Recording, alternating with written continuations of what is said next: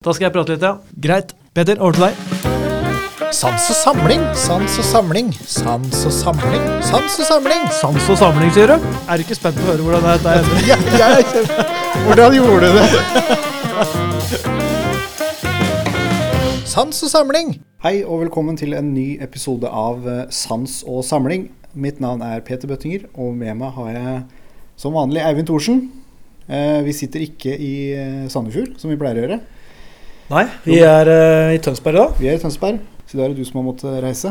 Det er ikke så lange avstandene, så det, det går veldig fint. Men vi er på Slottsfjellmuseet. Det er vi, og vi har med oss to gjester her i dag. Skuespiller, produsent og regissør Gard Eidsvoll. Velkommen skal du være. Hjertelig tusen takk. Og så har vi med oss Cecilia Gustavsen. Du er konservator og koordinator ved Norsk Borgsenter. Ja, det stemmer. Tusen takk. Eh, og det vi skal snakke om i dag, det er eh, altså dette med å dramatisere eh, historien. For Gard Eidsvoll, du har jo satt opp spelet om prinsesse Kristina her på Slottsfjellet nå to somre. Ja. Og vi kan jo begynne kanskje med å, å spørre deg da, Cecilia. Prinsesse Kristina, hvem var det? Det er eh, datteren eh, til eh, kong Håkon Håkonsson, som er kanskje Norges største konge noensinne. Han regjerte fra 1217 til 1263, og regjerte bl.a. mye her fra Tønsberg. Så Kristina er jo eh, født i Bergen, riktignok, i 1234, men eh, hun har vokst opp ganske mye i Tønsberg. Og kanskje en av grunnene til at hun er veldig kjent i Tønsberg, er jo fordi hun ble gifta bort til en eh, spansk prins, altså broren til den spanske kongen, og da reiste hun her fra Tønsberg. Eh, og hun døde jo også ganske ung i Spania, uten barn, eh, som har gitt grobunn for en romantisering rundt henne i Tønsberg. Om at hun døde av hjemlengsel og ja, den prinsessen som måtte reise fra Tønsberg. Og denne historien den har jo da fascinert deg, eh, Gard. Kan ikke du si litt om ditt forhold til den historien? Jo, eh, nå kan jeg begynne med at jeg, jeg kommer fra sånt hjem der eh, min mor var ganske tydelig feminist. Eh, veldig bevisst eh, kvinneskikkelser opp igjennom i litteratur og historie. Blant annet så var hun eh, opptatt av kvinnelige lyrikere osv. Så, videre. så jeg har hatt et sånn underfundig rart blikk på kvinneskikkelser eh, historisk sett, og sterke karakterer. Eh, og når Kristina dukket opp Jeg er gift med en fra Nøtterøy, og egentlig vært gift med en fra Tjøme før det. Så jeg hadde veldig sånn lyst og behov for å, å kringe litt mer av livet mitt rundt eh, Tønsberg. Og finne en inngang for å, å kanskje drive, utvikle noe som var relevant for flere enn eh, bare min interesse. Og Kristina-spelet, eller stykket, er jo ikke noe nytt. Eh, vi baserer jo vårt på Kåre Holt sitt opprinnelige teaterstykke fra 1971. Så har vi videre dramatisert det, tatt oss ganske store friheter. Men det som jeg tenker er det aller fineste med Kristina, også i min eh, private holdt på å si, motivasjon, er at jeg syns at hun fremstår som en fredsapostel. Noe som ikke er så vanlig i våre eh, kalde heltedyrkelsesskikkelser, i norsk historiesammenheng særlig. Og at hun egentlig derfor bør være litt større egentlig enn seg selv. Um, og det er jo litt av det langsiktige perspektivet vårt. Da, at vi skal ikke bare sette henne på en pidestall og liksom dyrke henne som noe sånn åndelig magisk, men at hun gjennom sin holdning og gjerning, i hvert fall som vi har tatt oss eh, frihet til å å gjøre i stykket, så er hun veldig uselvisk. Hun handler på vegne av det vi i kristendommen sikkert ville sagt som eh, det man er oppdratt til, men hun gjør det i praksis. Nestekjærlighet. Og hun slutter jo forestillingen med å si at det eneste sanne er eh, Og egentlig uselvisk kjærlighet er det eneste sanne. Og så viser hun til eh, egentlig et gammelt arabisk eh, dikt der man sier at solen gir og gir, og krever aldri noe tilbake. Så det, dette er på en måte en veldig enkel overskrift på jeg, hvordan jeg ser Kristina. Og så er det jo, har vi tatt oss frihet. Vi har laget en Rom og Julie-historie, trukket ut det. Men de kommer i dilemmaer, og med denne kongen som eh, er en viktig norsk konge, som elsker jo datteren sin. Står i tvist mellom datteren Litt som dronning Elisabeth i The Crown, ikke sant. Gjerning eller det private. Og at det har noen følger. Så han står jo et spenn av eh, dilemmaer. Vi skjønner jo at eh, selvfølgelig som regissør at man må ta seg noen friheter innimellom, da. Men jeg lurer litt på også sånn hva, hva, hva har vi av kildemateriale? Hva vet vi faktisk om denne personen som levde her eh, på 1200-tallet, sa du vel? Ja, nei, Vi har veldig lite kilder om prinsesse Kristina. Hun er så vidt omtalt i Håkon Håkonssons saga, hvor eh, det er skildra at hun reiser fra Tønsberg. Og det er også skildra hvilken rute reisen tok til eh, Castilla, og hvor hun var. Og, og, da kan vi også kanskje tenke oss til hvem hun møtte. Men vi vet ikke veldig mye om henne. Eh, og det er jo også sånn at man på 50-tallet fikk åpna en sarkofag i stiftskirken i Kovarubias fordi det skulle gjøres restaureringsarbeider i kirken. Og da fant man et mumifisert skjelett av en uh, ung kvinne, som da veldig mange mener kan være prinsesse Kristina. Uh, så, så, vi har ikke noe særlig informasjon om henne utover uh, det vi har fra sagaen. Men det vi på en måte baserer våre utstillinger på når det gjelder henne f.eks., det er jo at vi sammenligner med andre liv i Europa, hvordan ting kan ha vært. Og så prøver man å bygge et liv ut fra, fra sammenligning med andre skikkelser som det er mer informasjon om. Fordi det man vet, er jo at kongedømmet i Norge det var jo helt på høyde eh, med andre kongedømmer i Europa. Eh, og ganske få kilder herfra, egentlig, men desto flere fra eh, andre steder i Europa. Så da kan vi rekonstruere mye mer, da. Fordi vi vet at det norske kongedømmet var på høyde med andre kongedømmer. Mm. Men selve teaterstykket, da. Hvilken del av historien er det som på en måte er i fokus der? Er det, er det hele historien hennes, eller er det det som skjer her i Tønsberg, eller? Eh?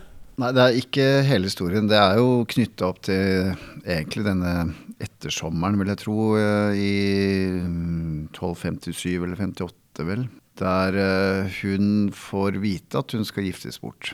Og det Så egentlig det er en veldig sånn Kanskje det går jo over flere måneder når jeg tenker meg litt om. Men eh, Så det er fokus på dette store dilemmaet hennes, egentlig. Ja, for altså, det snakker om å gifte henne bort. Så da må vi jo kanskje ta, nevne det også. Da, at det var, det var på en måte det loddet du hadde i livet hvis du var uh, kvinne og da uh, altså en mektig person. Da. Altså, det var en del av diplomatiet. Mm. Uh, å bli gifta bort. Ja, det er man jo oppdratt til når man er eh, prinsesse, da. Så at både prinsessene og prinsene som vokste opp i middelalderen, de var viktige brikker i kongens politiske spill. Og for kvinnene så innebar det ofte giftermål over lengre avstander. Så det er ikke noen som når vi tenker på det i dag, at vi skulle ha gifta bort døtrene våre til langt unna, og ikke de kunne velge selv og sånn, så er det veldig dramatisk. Men for dem så, så var det et ledd i hele deres oppdragelse. Det var de opplært til å gjøre. Så det man, sånn som du snakker om, Gard, det med at eh, hun representerer diplomatiet, på en måte, og er en sånn brobygger, da. Ja, Alliansebygger, på en måte? Ja, absolutt. Det er på en måte hennes eh, lodd. Og Håkon Håkonsson vil jo heller antageligvis aldri ha sendt bort Hun var jo også nokså gammel, hun var jo over 20 år. Hun var ikke sju, liksom. Hun var over 20 år. Og han hadde aldri sendt henne bort hvis hun ikke hadde kunnet representere han på en god måte. Så hun har spilt korta sine veldig godt, visst nøyaktig hva hun skal si. Hun har kunnet franske, kanskje fransk, ikke sant. Hun har, kunt, eh, hun har forstått spansk. Spanske legender, spansk musikk, visste akkurat hvor hun kom. Tatt imot gaver antageligvis på vegne av faren sin. Tatt med seg gaver fra Norge for å gi til folk hun møtte på ferden sin til Castilla. Så hun har vært ekstremt opplært i diplomati, da. Men her er jo en kjærlighetshistorie. Når hun da skal få beskjed om at hun skal bli gifta bort, er det da en kjærlighet her hjemme. Hva er historien, denne kjærlighetshistorien? Altså Det vi har gjort med den friheten vi har tatt oss, da, er jo at hun eh, oppsøker jo ufrivillig fordi hun blir forelsket. Og den altså, forelskelsen er universell. Alle mennesker, uansett eh, holdt på å si, legning, kjenner seg igjen i dette tydelige dilemmaet. Det er ikke alltid det passer å være forelsket. Eh, eller den man er forelsket i, slår ut som noe positivt. Og det er jo veldig ofte at man handler litt irrasjonelt. Og kanskje gjør dumdristige valg, og som får store konsekvenser for, uh, for folk. Uh, dette er jo ikke noe nytt. Men dette er jo det som kommuniserer med folk i dag. At dette er noe vi alle kan kjenne oss igjen i. Og det Det er det ene. Og det andre er at hvis jeg skal ta berøringspunkt i historisk materiale, så tenker jeg at jeg skal prøve å la være å se det med svart-hvitt fotografi.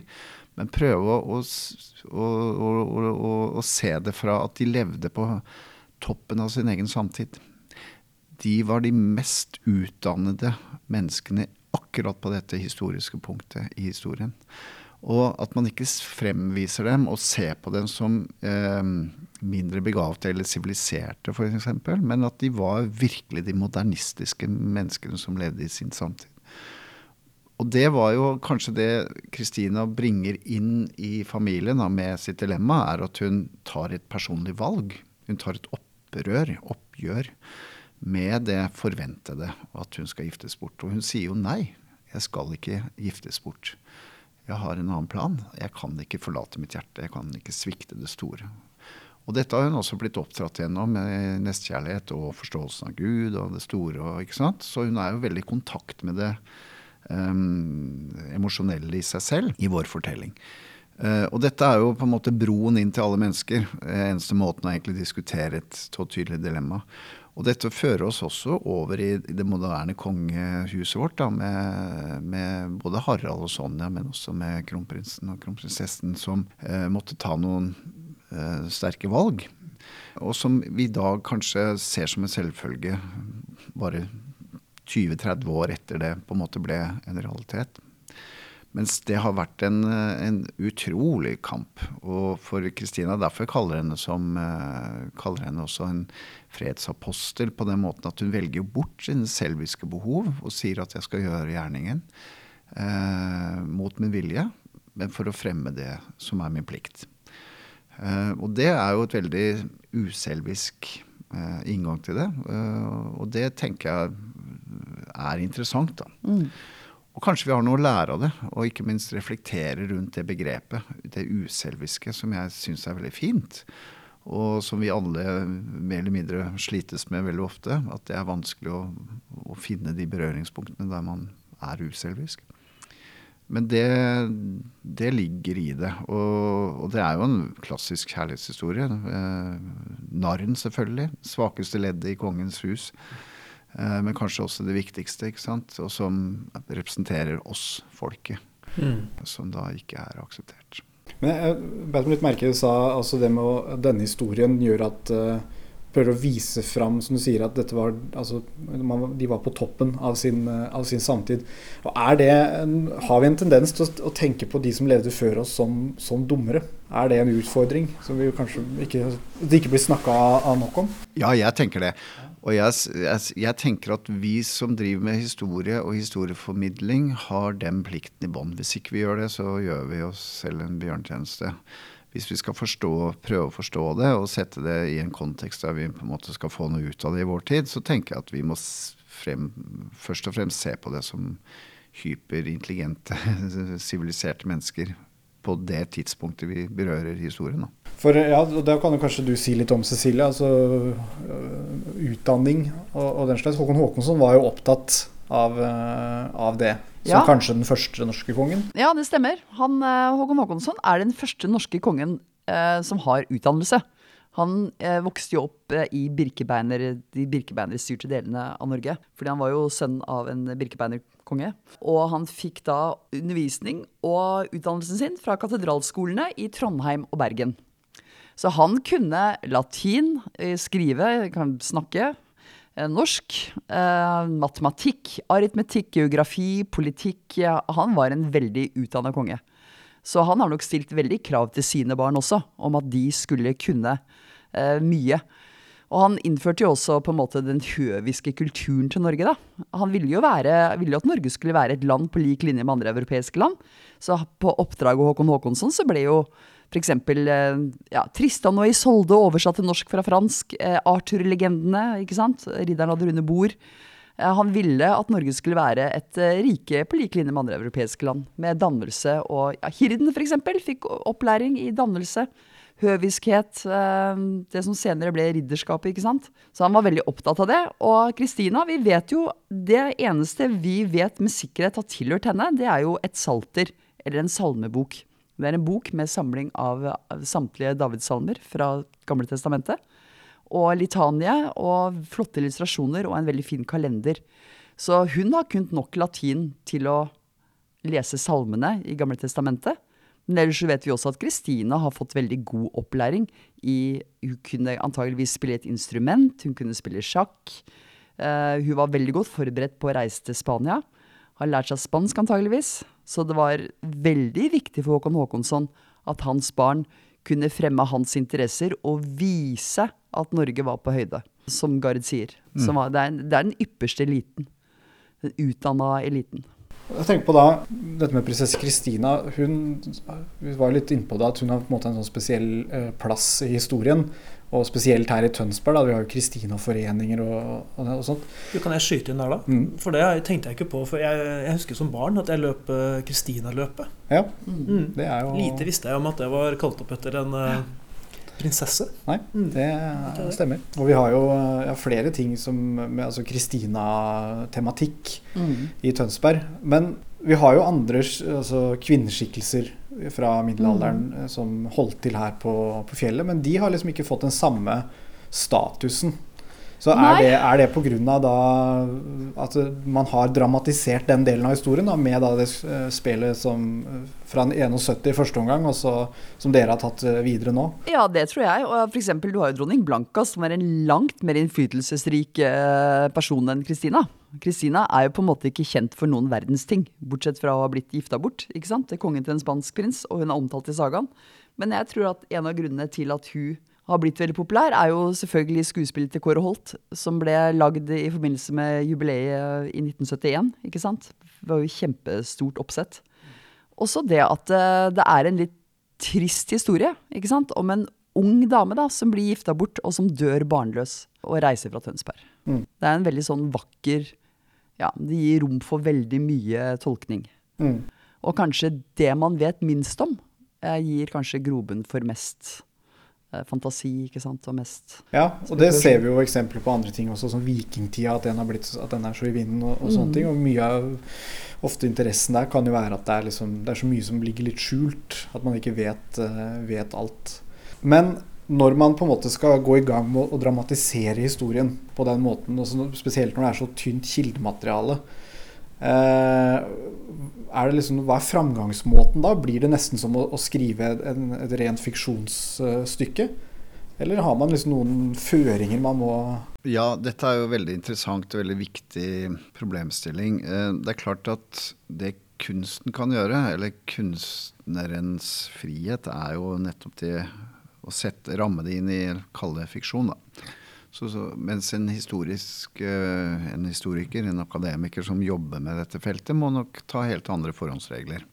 Så, sånn sett så står man jo friere når man kaller det fiksjon, eh, ikke dokodrama eller men, eh, men det er jo noen viktige, kall det om ikke etiske, så i hvert fall noen dilemmaer vi kommer borti. da, Hvor stor skal man ta den friheten? Og påstå noe, eller skrive om historien. Eh, Så det her er, må man jo holde tunga litt rett.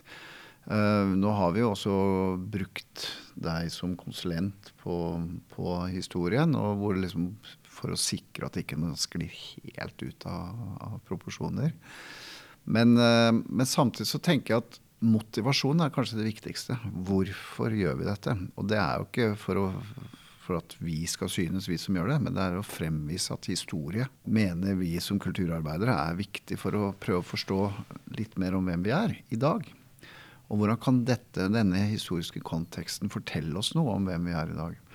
Eh, Det universelle med mennesket som, som kanskje er et evig dilemma, er at eh, Håkon står jo overfor et eh, sterk sorg når hun skal dra. Eh, hennes kjærlighet eh, til området, stedet, ikke sant. Og alle disse tingene som er universelle, som ikke er nye. Som vi tror også er nye. Eh, Men at Håkon også hadde sikkert vanskelig med pubertale Magnus, den andre sønnen. ikke sant? Og, og sikkert noen omganger som vi alle kan kjenne oss igjen i.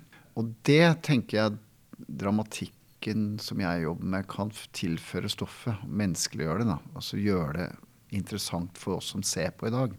Så vi kan kjenne oss igjen uten at vi noen gang kommer til å bli kongelige. Det er ikke poenget. Men at vi kan kjenne oss i dilemmaene. Som de også Og jeg har alltid likt å tenke på, uten at jeg vet så mye om det. Men hva f.eks. Sonja sier til Harald etter åtte timer på Slottsbalkongen 17. mai, liksom. Første setningen ut av døra, inn etterpå. Det, for de er jo mennesker. Hvordan går det med kneet ditt, Harald? Skulle ønske vi fikk eh, noe annet enn sugerør når vi drakk Farrisen. Altså, hva prater de om? Hvilke ting er det de er opptatt av som mellommenneskelig privat? Da? Og det tror jeg vi Sånn kan vi fortelle historier, og sånn kan vi dramatisere ting. At det mest interessante er jo å være med, ikke det offentlige rommet, men på bakrommet. For det er der det skjer. Ikke sant? Og der vi tar oss friheter, da. Vi, vi har jo sett deg på TV og gjennom mange typer jobber. Mm. Er det ekstra spennende å jobbe med historiske personer og hendelser? Ja, jeg kan være veldig tydelig på det at jeg i 2010 starta noe som heter Statsteatret, som er en fri teatergruppe. Og vi bestemte oss for å lage ti forestillinger om norsk historie. Fra siste slag i vikingtiden i York i 1066 fram til så laget vi en ideen om en framtidsvisjon, 2066, og så spenne norgeshistorien opp i, i 1000 år. Og så finne ti punkter som vi kunne diskutere historiske kontekstproblemer. Men eh, egentlig fremvist den, den dag i dag, da. Det skulle fortelle noe om oss selv. Og sånn ble jeg veldig interessert i historie, norsk historie. Og ganske opplyst. Og hele poenget med det er at vi ljuger ikke med historisk kontekst eller sannheter, men vi fremstiller dem kanskje på, med teser som ikke har vært prøvd før, og med dilemmaer som kanskje ikke noen har tenkt på før. Og Det er på en måte det vi forplikter oss til med å skrive ny dramatikk. Ikke bare å, å vise det historisk, men skape dramatiske rammer da, som kan fortelle noe mer enn det e- egentlig hendelsen. Og eksempel så jobber jeg nå med et uh, annet spill som heter Retten på Eid. Fordi Olav Haraldsson, norskekongen uh, som døde på Stiklestad, han var jo fra han var konge i 1015 til 22, så innførte han uh, Han flyttet rettsinstansen sin fra Hamar til Eid på Eidsvoll. Og ergo Eidsivating, eller Eidsivatinget. Og de lovene som da ble fremstilt, og hans statsdannelsesutdannelse også fra England, og, og var veldig eh, med på å føre fram det vi i dag tar som en selvfølge, men vår rettshistorie. Ikke sant? Den er veldig planta fra også kristenretten kom i 1023, men egentlig Eidsivatinget er 1022, året før. Så disse to tingene henger jo ekstremt sammen. Men det snakker vi aldri om. Vi vet det knapt. Og jeg, når jeg kom over det, så tenkte jeg wow, dette er jo virkelig demokratiets vugge. Når man sto og leste opp øh, Det gjorde man i og for seg før denne tiden, altså, men, men, da også med nye lover og med, med nye måter å tenke, tenke statsdannelse som da Olav innførte, og som den dag i dag er gjeldende. Mm. Og der kan jo, altså med, med, å dramatisere historien, så man, er det mye tydeligere kanskje å bygge den broa. Altså fra, fra, fortid til nåtid. Ja, og egentlig så Yngve Sundmor, som er dramatiker og regissør i Statsteatret, han skrev en gang at historie skrives hele tiden. Det er som en rennende elv. Eh, litt avhengig av tilfanget på vann og, og, og jo store elven er. Men den renner hele tiden. Det er vi som lever i vår tid som hele tiden må reinstallere på en måte historisk perspektiv og renskrive den. Mm. Og ta det opp til vurdering. Men det viktigste vi gjør der oppe på Slottsfjellet, er jo å skape interesse for historie. Ikke kom og se på hvor flinke vi er til å lage historie, men bli interessert i historie. Hvem er vi? Hvor kommer vi fra? Og hvor er vi på vei? Det er jo kanskje litt som jeg tenker tidligere spørsmål jeg hadde med hvorfor Kristina har blitt så spesielt eh, tatt imot holdt jeg på å si, her i mm. Tønsberg. At folk er så glad i henne. Og, mm. og Da er det liksom du sier at med dramatisering så viser man de menneskelige sidene. Og det, mm. det som skjer på bakrommet, som du, som du sa. Altså, folk føler kanskje de kjenner henne eh, ja. litt bedre. Mm. Og så kjenner man seg jo igjen da, i de samme dilemmaene som vi så inne på mm. i stad. Samme følelsen at det var mennesker som som sto ja. oppe i, i, samme dilemmaene som vi gjør i dag, som vi kan kjenne oss igjen i. Ja, det er jo gull verdt, eh, det som teatret gjør Eh, fordi eh, det er jo nettopp det som trekker folk til museet nå. ikke sant? Det er jo at man menneskeliggjør og prøver å knytte det til vår tid. Mm. Jeg kan ikke tenke meg kanskje noen hadde syntes det hadde vært så gøy å studere arkeologi og historie hvis de ikke hadde kunnet relatere noe til seg sjøl. I det hele tatt. Du bruker jo din egen referanseramme egentlig i alt du lærer. Så det med å skape interesse rundt historie, det er jo gull verdt for oss, eh, for oss som jobber med historie. Mm. Det er kjempebra. Og det er vel også litt mer i tida nå enn det var for eh, 50 år siden. Altså dette med hvordan hadde vanlige folk det? Hvordan hadde mennesker det i fortida? Ikke bare altså den der liste opp kongene og, og sånne ting. Eh, som kanskje var mer eh, tydelig før, da. Ja, men det er nok liksom generelt sånn når det gjelder historieforskning, at de siste tiåra at det er blitt mye mer Hvis du tar sjøfartshistorie, da. Da var det liksom an, altså skip og rederier og antall eh, bruttotonn. Mens nå er vi mer Åssen hadde sjøfolka det? Åssen var det å jobbe der? Så det er nok mer sånn en sånn vridning over på det mer eh, sosiale historie. Jeg var på Kjerringøy for noen år siden utenfor Bodø, øh, som da i, i 1720 tror jeg var handelsstedet som var som størst i Nordland. Og på det ene huset man kom inn der, var det, var det freda, og selvfølgelig, og museum. Så er det også noen tapeter fra India, Egypt og i, rundt fra hele verden. Også, fordi de var, de var verdensvante. Dette var liksom midtpunktet i hele Og de var jo så, om ikke utdanna, så var de modernister i alt de hadde med seg hjem. da. Mens alt innafor og bortafor og nedenfor altså, jo ikke, De hadde jo ikke kontakt med verden. Og det er jo sånn utrolig interessant eh, punkt hvordan sjø Det var derfor jeg kom på det. Sjøfartsreferansen i verdenshistorien egentlig har definert det, før man liksom kunne fly. Og også Christina, som tok sjøveien til eh, Frankrike først, og så til Spania. Jeg vet ikke hvor relevant det var, men det var morsomt. Det var. Ja, det er kjempeinteressant. Man uh, har jo gavebytte, ikke sant. Man ser jo eksotiske gaver herfra og derfra. Ja. Håkon Håkonsson har jo sendt jaktfalker ikke sant, fra Grønland og Island til Tunisia, og lenge i Saint-Chapelle i Paris så sto det en fantastisk utskåret hvalrosstann, en gave fra Håkon Håkonsson til en av de franske kongene, ikke sant. Hun ga også en isbjørn til den engelske kongen. Ja, en isbjørn, eh, ikke sant, som eh, bodde på Tower of London. Og som ble, var bundet fast i en kjetting hver gang han skulle fiske i Themsen. Det er upraktisk gave å få. Altså. Ja, det, Vær så god, liksom. Den isbjørnen syns jeg du skal lage et uh, skuespill om. Men tror dere det var ironisk når han ga den bort? At uh, her får du noe i fanget som uh, Let's see how George take this. Ja, det kan godt hende. Jeg liker å tenke det. At Ja. det sånn, Se hva jeg har muligheten til å gi deg. Det var ikke at han hadde så ønska seg en isbjørn så mye. Det var vel mer at så sa han 'deal with it'. Ja. Det er i hvert fall en utrolig eksotisk gave å få. En isbjørn eh, på, i, England, liksom. ja. Det er eh, Og det var jo en dyrehage på Tower London, men de fant vel ganske fort ut at ikke den kunne være sammen med de andre dyra. Ja, nei, det går dårlig. Og jeg tenker jo litt på eh, også da, som apropos sosial eh, historie. Altså disse folka som levde langs Themsen og hadde virket sitt med å seile og fiske f.eks. og sånne ting. At de hver dag til visst tidspunkt var det vel, så fikk de ikke lov å seile forbi. Fordi kongens isbjørn skulle ut og Og det er liksom det der eh, aristokratiets nykker man bare må Ja, ja, liksom føye seg etter, som bare er sånn eh, et fint bilde på det. Men for å komme litt tilbake til uh, dette med, med dramatisering av historien. Nå har vi jo snakka en del om liksom, de positive sidene ved det. At hvordan det genererer historieinteresse og sånn. Men er det, noen, er det noen utfordringer der? Noe man skal passe på?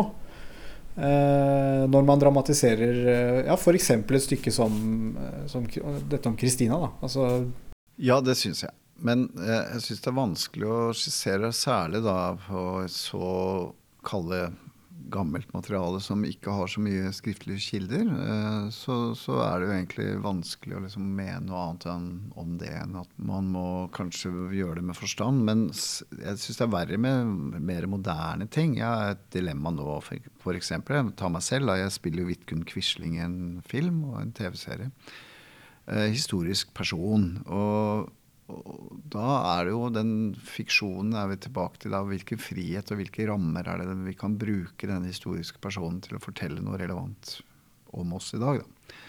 Eh, og det gjør vi jo. Og da gjør jeg som skuespiller selvfølgelig et sånn grundig arbeid på hvem var han, og hva var han opptatt av, og alle disse tingene. Men vi kommer jo fort opp i, i dilemmaer som er eh, Sa han egentlig det? Gjorde han egentlig dette? Dette er vel ikke helt eh, innafor. Men det er veldig langt derfra til altså Hvis man lager en dokumentar kontra å lage en fiksjon, da, så her går jo skillet. Altså, dette er jo Mein Kampf-boken til Knausgård sitt store sprang. ikke sant? Når er det, når er det privat, holdt jeg på å si, dokumentarisk, eh, og likevel fiksjonelt? Og når er det ren fiksjon? Vi bruker jo en historisk person for å diskutere et daglig dilemma, som f.eks. humanisme. Da. Hva er egentlig humanisme? Men det er jo nok av feilskjær opp igjennom i TV-sammenheng og TV-seriesammenheng, der man både får kjeft, The Crown, og også en nylig norsk NRK-serie som fikk ganske på pepperen fordi man hadde tatt seg påstående friheter da, om at uh, historiske skikkelser gjorde det og det, som da historisk sett var feil. Men det er kanskje, når det er langt tilbake i tid, mm. som Christina-spelet, da, kontra Vidkut Quisling, som er såpass nært i tid. Han er jo en person som vekker følelser hos mange. Ja. At eh, man må være mer varsom kanskje jo nærere det er i tid, og jo mer kontroversiell personen var, kanskje. Jeg vet ikke. Jo, det er helt klart. Og, og, og Vidkut Quisling står jo helt for seg selv der. og Det er jo ikke noe å lure på. Uh, jeg har ikke noe behov for å verken forsvare han eller uh, Men jeg vil gjerne forklare han. Det er noe annet. Mm. Uh, at hva han var opptatt av. Mm. Det syns jeg er interessant. Også kanskje for å forstå samtiden på en litt annen sammensatt måte. Det er jo et historisk faktum at vi etter krigsoppgjøret ble forespeilet en historisk dokumentasjon og en, noen rammer for hvordan historien skulle formidles og forvaltes. Og som har vist seg i ettertid kanskje ikke helt er verken sann eller helt, i hvert fall ikke helt 100 da. Og jeg forstår det. Jeg har ikke noe problem med at det gjorde man etter, på, etter 45. Men om det gagna historiske forskere, det tror jeg ikke. Det viser oss litt at historien er dynamisk, eller som denne elven, som du sa. Da, at måten vi forholder oss til historien på, ja. forandrer seg jo eh, mm. med tiden. Ja. Og, og, det merker man jo kanskje litt nå, at det er mer uh, altså, Jo lenger tilbake i tid krigen er, altså som åra går, jo mer eh, kan man ta i de tinga der, da. Ja. Så er jo spørsmålet også Man bør jo egentlig kunne ta i alt, på en måte. Også så lenge man også sier at det er en fiksjon, eller at vi har tatt oss friheter, så bør man ha lov til å bruke historien, tenker jeg, til det man vil. Mm. Og sånn som du snakka om, da, Makta f.eks., som går på TV nå, ja. Eh, som får så mye pepper. Det er jo en satire, ikke sant. De har jo lov til å gjøre det. Mm. Så lenge de sier at det er eh, Ja, at ikke det er basert på fakta alt. De som ser på, må jo også ta ansvar for å sette seg inn i ting. Ja, fordi det, det gir jo altså, dram, altså, Dramatisering av historien det gir jo et visst ansvar til mottakeren også, ja. kan man si. Eh, med å, å, å, å, kunne skille mellom hva som er fakta og ikke, da. Mm. Men her er vi jo inne på det vanskeligste i vår tid, da, altså woke-bølgen. ikke sant, Med, med krenkekortene og, og, bevisstheten knytta til det. Og, mm. og, det er utrolig komplisert. Mm. Og jeg som, hvis jeg kaller meg ikke privat, men kunstner, da, så må jeg ha full frihet. Mm. Jeg vil ikke ha noen skal fortelle meg hva som er innafor eller utafor. Og så er det opp til meg å på en måte håndtere det frikortet på best mulig måte. Men det vil jo ikke si at jeg ikke har ansvar, for det har jeg. Og, eller er ansvarsbevisst. Men nå snakker jeg bare for meg. Men dette er jo et dilemma. altså at uh, I vår tid har vi blitt så bevisst, og så vet vi ikke til slutt hva som er sant heller. Fordi vi på sosiale medier så informasjonskanalen er så bløte. Ja, det er mye vi ikke får uh, informasjon om, egentlig. Ja. Ja, eller desinformasjon. Ja. At vi ikke vet hva som er sant lenger. Mm. Men det kan jo også da være en fare i med historieformidling. Da, at det også kan bli desinformasjon. Mm. Bli ensidig. Ja. For alle stemmer blir jo da ikke hørt, da. Ja, og noen kan uh, misbruke det. La oss si Quisling, da. Og så plutselig er det noen som påstår at vi renskriver Quisling, så har vi jo et utrolig dilemma. Nei, nei, det er jo ikke det vi holder på med. Mm. Tvert imot. Da, men sånn kan jo noen bruke et kildemateriale eller en fiksjon eller hva som helst for å fremme sitt syn. da. Mm. Det blir jo ofte diskusjoner rundt når det, er, når det kommer eh, historiske filmer eller TV-serier, så er det ofte debatter Og da er det ekstra viktig at man kan leite opp alle kilder. Mm. Eh, Fordi det er jo nødvendigvis sånn at alt er subjektivt hvis man lager noe, på en måte. Det er nok av krigsfilmer fra andre verdenskrig hvor Mm.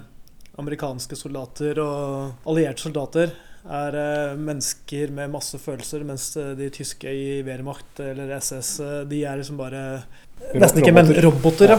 Og det ser vi jo måten Apropos altså det å lage noe om Quisling. Bare se på hva er det som ble lagd av krigsfilmer rett etter krigen.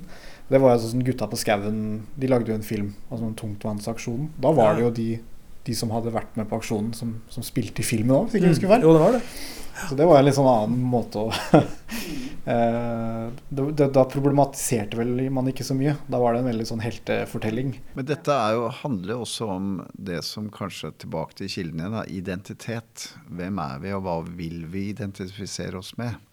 Uh, og jeg tror at sånn propagandamessig så tenker jeg at det var helt nødvendig sikkert etter krigen. Å rendyrke de, de, de kreftene som på en måte representerte det som vi alle kunne enes om var Eller de fleste, i hvert fall. Var heltene. Ja. Men så har det jo vist seg piplet fram gjennom tiden at det fantes jo noen andre som kanskje var like store helter som aldri har blitt tatt fram i lyset, eller andre type helter osv. Ja, det ser vi jo bl.a. de kommunistiske motstandsbevegelsene. De ble jo veldig dyssa ned etter krigen pga. det nye verdensbildet med Sovjetunionen som den store fienden. Osvald-gruppa, Ja, det het. det, var vel det de het. Mm. Men eh, tilbake til dette her eh, spelet. Nå hopper vi litt sånn fram og tilbake her. Men eh, sånn er det når man sitter og prater. Da blir det litt her og der. Blir det noen ny oppsetning til sommeren? Er det noen planer om det? Det, det blir ikke noe i 24, men vi jobber faktisk med Det er egentlig uoffisielt, men jeg kan jo lansere det nå, da. Men at vi jobber med Håkon Håkonsen-musikal. Oi. Oi. Fordi vi har tenkt sånn at uh, Kristina-spelet er fantastisk, men kanskje vi må ha tilfang til noe mer. Uh, og noe som kan rullere, så man på en måte kan bygge opp en Og da er det jo både Magnus Lagabøte, sønnen til Håkon, og, og lands, innføring av landsloven i 1274, som Ja. også kan være et sånt interessant um, Herlig. Høres bra ut. At man, eh, og som du nevner, Cecilia, med, med hun Blanca og Ja. who knows, altså, eller hvem vet på norsk, eh, hvordan vi kan forvalte nettopp dette genuine med akkurat Slottsfjell, Tønsberg, Kongesete og, og, og destinasjon, men også historisk materiale, og diskuterer oss sjøl i dag. Det tenker jeg ikke kommer til å slutte. Og tenk deg det dramaet rundt Blanka. Blanca. Med ble beskyldt for å forgifte egne sønner og ja. Ja, dette må jeg høre mer om. Det her er eh, utrolig Det her kan bli veldig dramatisk. Ja. Det sies at den hadde en elsker også, som bodde en av høvedsmennene. Der kan man virkelig lage store dramaer. Ja, ja, Det ja, sånn. Det er mye mer kilder rundt henne enn Kristina. Ja. ja, vi vet vel hva hun eide også. Ja, En full liste over inventaret. Mm. det- etter du døde. Ja. Har ikke dere arrangert en sånn derre tiretters eh, Jo. middag her, da? Ja. Eh, Blanka-middag? Blankas festmiddag. Ja. Ja. Mm. Forgiftet, med andre ord? Ja, ja, alle lå strøkne. Det var ingen som var redd for det. Det er sant, det. Det burde de kanskje tenkt på. Og hun er interessant, ikke sant? Sterk kvinne. Mm. Fikk skikkelig stygge rykter mot seg. Og... Jo, jo, men når du forgifter sønnene dine, så er det kanskje Ja, nei, På da er det plass. kanskje Ja. fortjent, ja. Ja. Da får vi se da om det blir noe eh, dramatisering av den historien. Da kan vi, Ja. får vi se. hva- Forgifta hun sønnene sine, eller gjorde hun ikke? Kanskje det er eh, Nei, men Kristina-spillet har kommet eh, for å bli på en måte. Og det, det fineste som jeg syns der oppe, var at vi, vi hadde jo sommerteaterskole med barn. Altså framtidas eh, skuespillere og kun, kunst- og kulturarbeidere. Og det, for meg er det hovedmotivasjon, at man liksom gjør det i tillegg til den profesjonelle satsingen, men at man får dem interessert i historie, og at de ble en sånn viktig del av forestillingen. Og jeg er sikker på at det vil bli det vi skal jobbe enda mer med framover, med å finne eh, måter å engasjere unge folk til å delta, selvfølgelig. Men eh, Kristina-spillet skal opp igjen, det er jeg sikker på. Skuespillerne der, var de fra lokale herfra, eller? eller Det eh, var både og. Det var lokal eh, komponist, Terje Johansen, som skrev et helt nydelig musikk. Uh, Fire musikere eller med han, da, som også er lokale. Og så er det, var det uh, ganske mye lokale skuespillere, sånn forsøksvis å velge ut det. Men så henta inn profesjonelle utenfra. Men mange med tilhørighet til området. Eh, og det har også vært bevisst. Men det også som har vært eh, viktig for oss, er jo at kompetansebygging knytta til organisasjonen eller gjennomføringen eh, er jo lokalt. Så de som jobber bak med produksjonen, har stort sett tilhørighet til Tønsberg og omegn. Så det du egentlig lurte på, var om det var muligheter for en, for en rolle, kanskje? Kanskje Var det den var en skjult agenda der, kanskje. Ja, det var det jeg tenkte. Følger, eh, følger med om du blir eh, blanka. Du det er, egentlig eh, bare om å være skuespiller, stå på store scener. Det er jo det jeg er født for.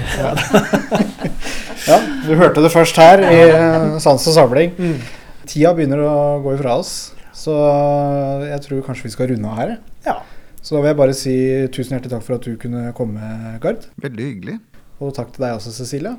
Du har ikke reist like langt, da. Nei, det har jeg ikke. Jeg har jo kontor eh, to meter unna. Så Men du kom ut av hula, Takk likevel, ja. det setter vi pris på. Da gjenstår det bare å si takk for nå, så høres vi neste gang. Du har nettopp hørt en podkastepisode fra Vestfoldmuseene. Denne episoden er laget av Peter Bøttinger, Eivind Thorsen og Jon Anders Øyre Bjerre. Du kan høre flere podkastepisoder der du hører på podkast, eventuelt på vestfoldmuseene.no. Du skulle si det litt? Det ble med litt. Nei, det er greit. Har du spørsmål til oss, send oss en e-post på kommunikasjon krøllalfa vestfoldmuseene.no. NO.